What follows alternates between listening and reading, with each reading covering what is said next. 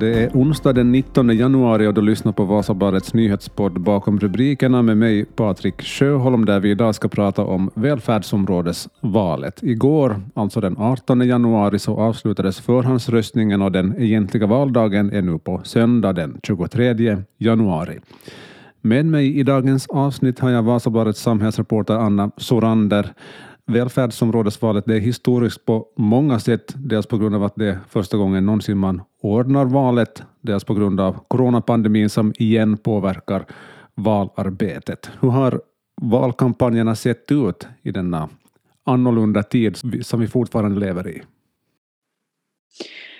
Det har varit en ganska kort tid att göra kampanj.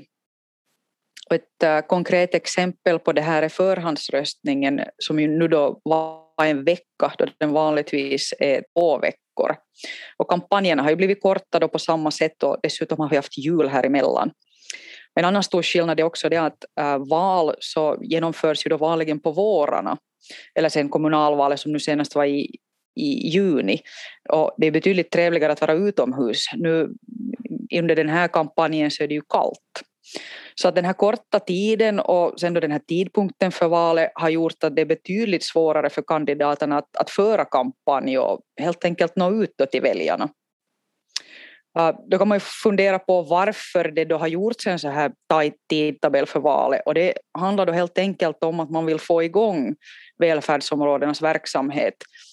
Vi ska komma ihåg att eh, en sån här vårdreform har diskuterats i Finland i 15 år Ehm, och det där, om inte valet hålls nu så betyder det då att välfärdsområdena inte rent lagstiftningsmässigt kan inleda sin verksamhet 2023.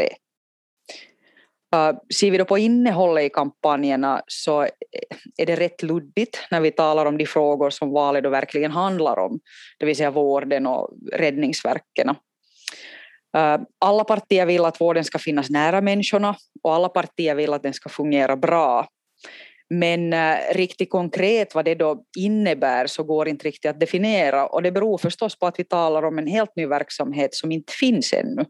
Då är det svårt att, att vara riktigt konkret. Uh, sen har vi också sett en hel del så här rent allmänpolitiska frågor som lyfts. Uh, ett exempel som kanske många har lagt märke till är Sannfinländarna som kört hårt på att bränslepriserna inte får höjas. Och det har ju absolut ingenting med verk, välfärdsområdenas verksamhet att göra.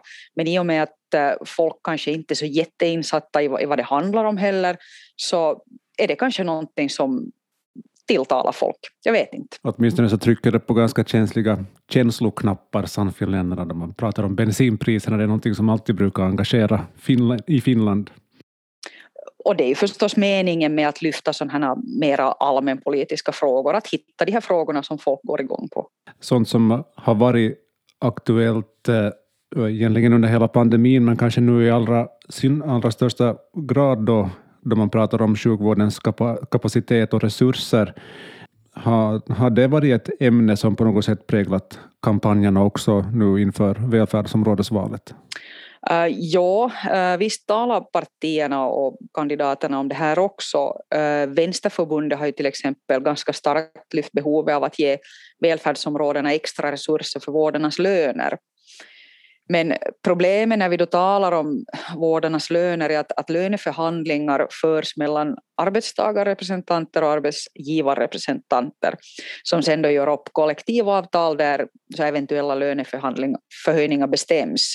Äh, traditionen i Finland är den att politiker helst inte ska lägga sig i den här frågan.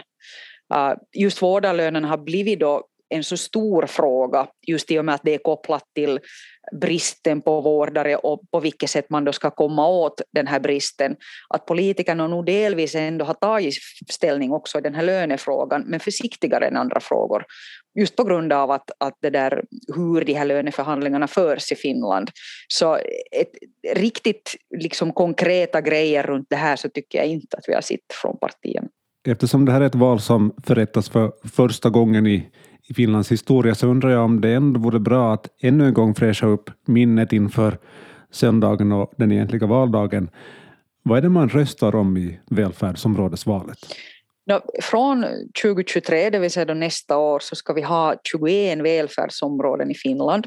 som då ska ansvara för all vård och räddningsverksamhet i sitt område. I praktiken så följer då välfärdsområdenas eh, gränser ganska långt landskapsgränserna. I till exempel Österbotten är det samma kommuner som ingår i välfärdsområdet som nu ingår då i Österbottens landskap. Eh, uh, undantaget är Nyland som på grund av sin storlek då är uppdelat i flera områden. Uh, dessutom står då Helsingfors helt utanför valet, uh, samma gäller Åland. Det vi väljer är fullmäktige, det vill säga högsta beslutande organ för de här välfärdsområden. Vad är det då för skillnad mellan eh, kommunal och välfärdsområdesval? Vi har ju läst också här inför, inför årsskiftet att från och med den första i första 2022 så har de österbottniska kommunerna gett över vården till Österbottens välfärdsområde. Så vad är skillnaden mellan kommunal och välfärdsområdesval nu? Äh, I kommunalval så röstar man ju då på kandidater som är uppställda i den egna hemkommunen. Äh, I välfärdsområdet är hela området en valkrets. Du kan alltså rösta då på vem som helst som är uppställd i det här området. Det betyder att bor du i Vasa kan du rösta på någon från Vörå, Jakobstad eller någon annan kommun i Österbottens välfärdsområde.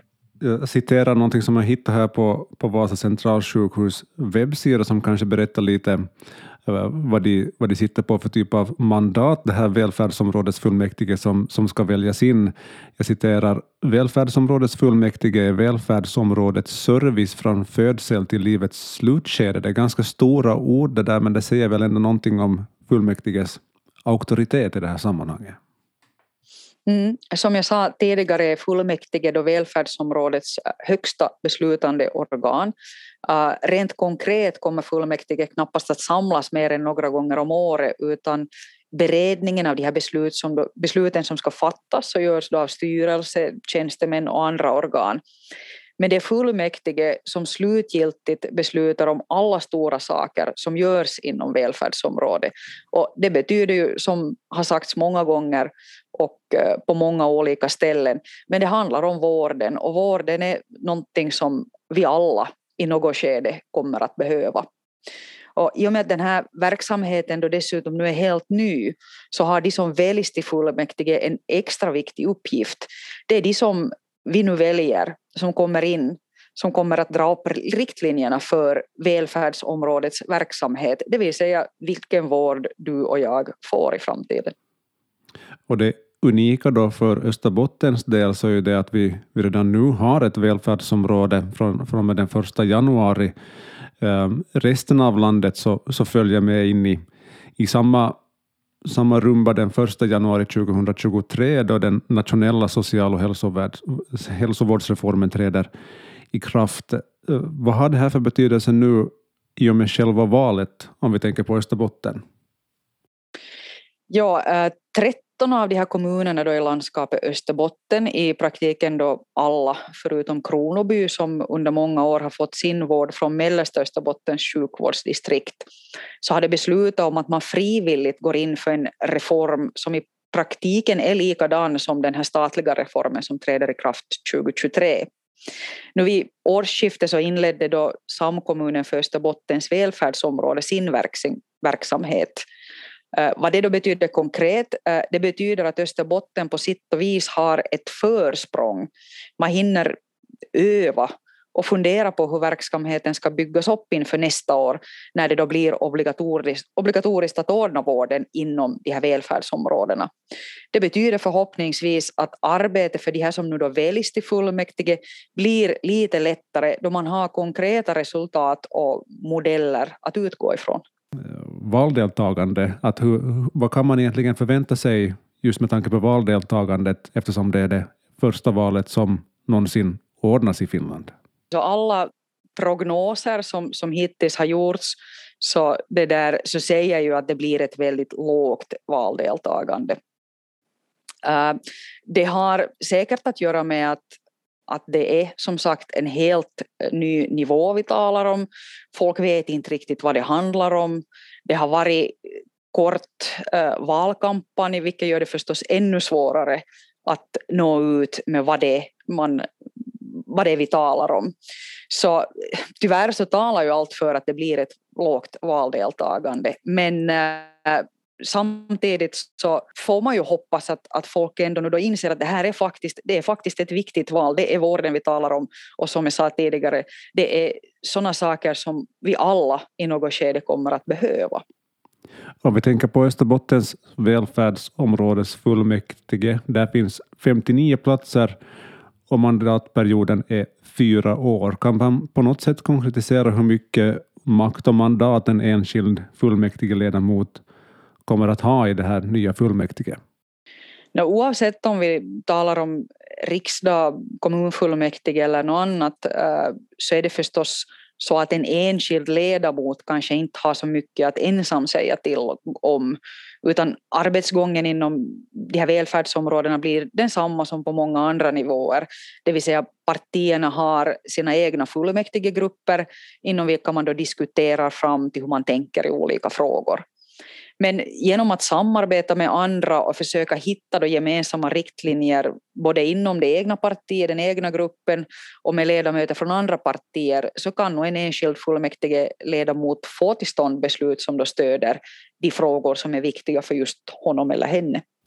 Det första välfärdsområdesfullmäktige det börjar 1 mars 2022. Vad tror du kommer att prägla det nya fullmäktiges första tid? I Österbotten har vi som sagt då tjuvstartat med att organisera vården under ett tak. Eh, det nya från nästa år blir då att räddningsväsendet kommer med. Men eh, det här att man nu då har tjuvstartat betyder att det borde finnas en konkretare bild av verksamheten när det här nya fullmäktige börjar sitt jobb. Och det i sin tur borde betyda att man snabbare kommer till konkreta beslut. Eh, det som redan talats om är den jätteviktiga frågan om hur strukturservicenätet ska se ut. Eh, det vill säga då eh, till exempel var hälsostationer ska finnas. Så jag tror att för Österbottens del så kanske vi snabbare så att säga får en dels fungerande verksamhet och dels riktlinjer för verksamheten. Bra. Detta historiska första välfärdsområdesval det ordnas nu då inkommande söndag den 23 januari och all bevakning kring det valet det kan du följa på vasabladet.fi och förstås på HSS Medias också andra nyhetssajter. Tusen tack till dig, Anna Sorander. Tack själv.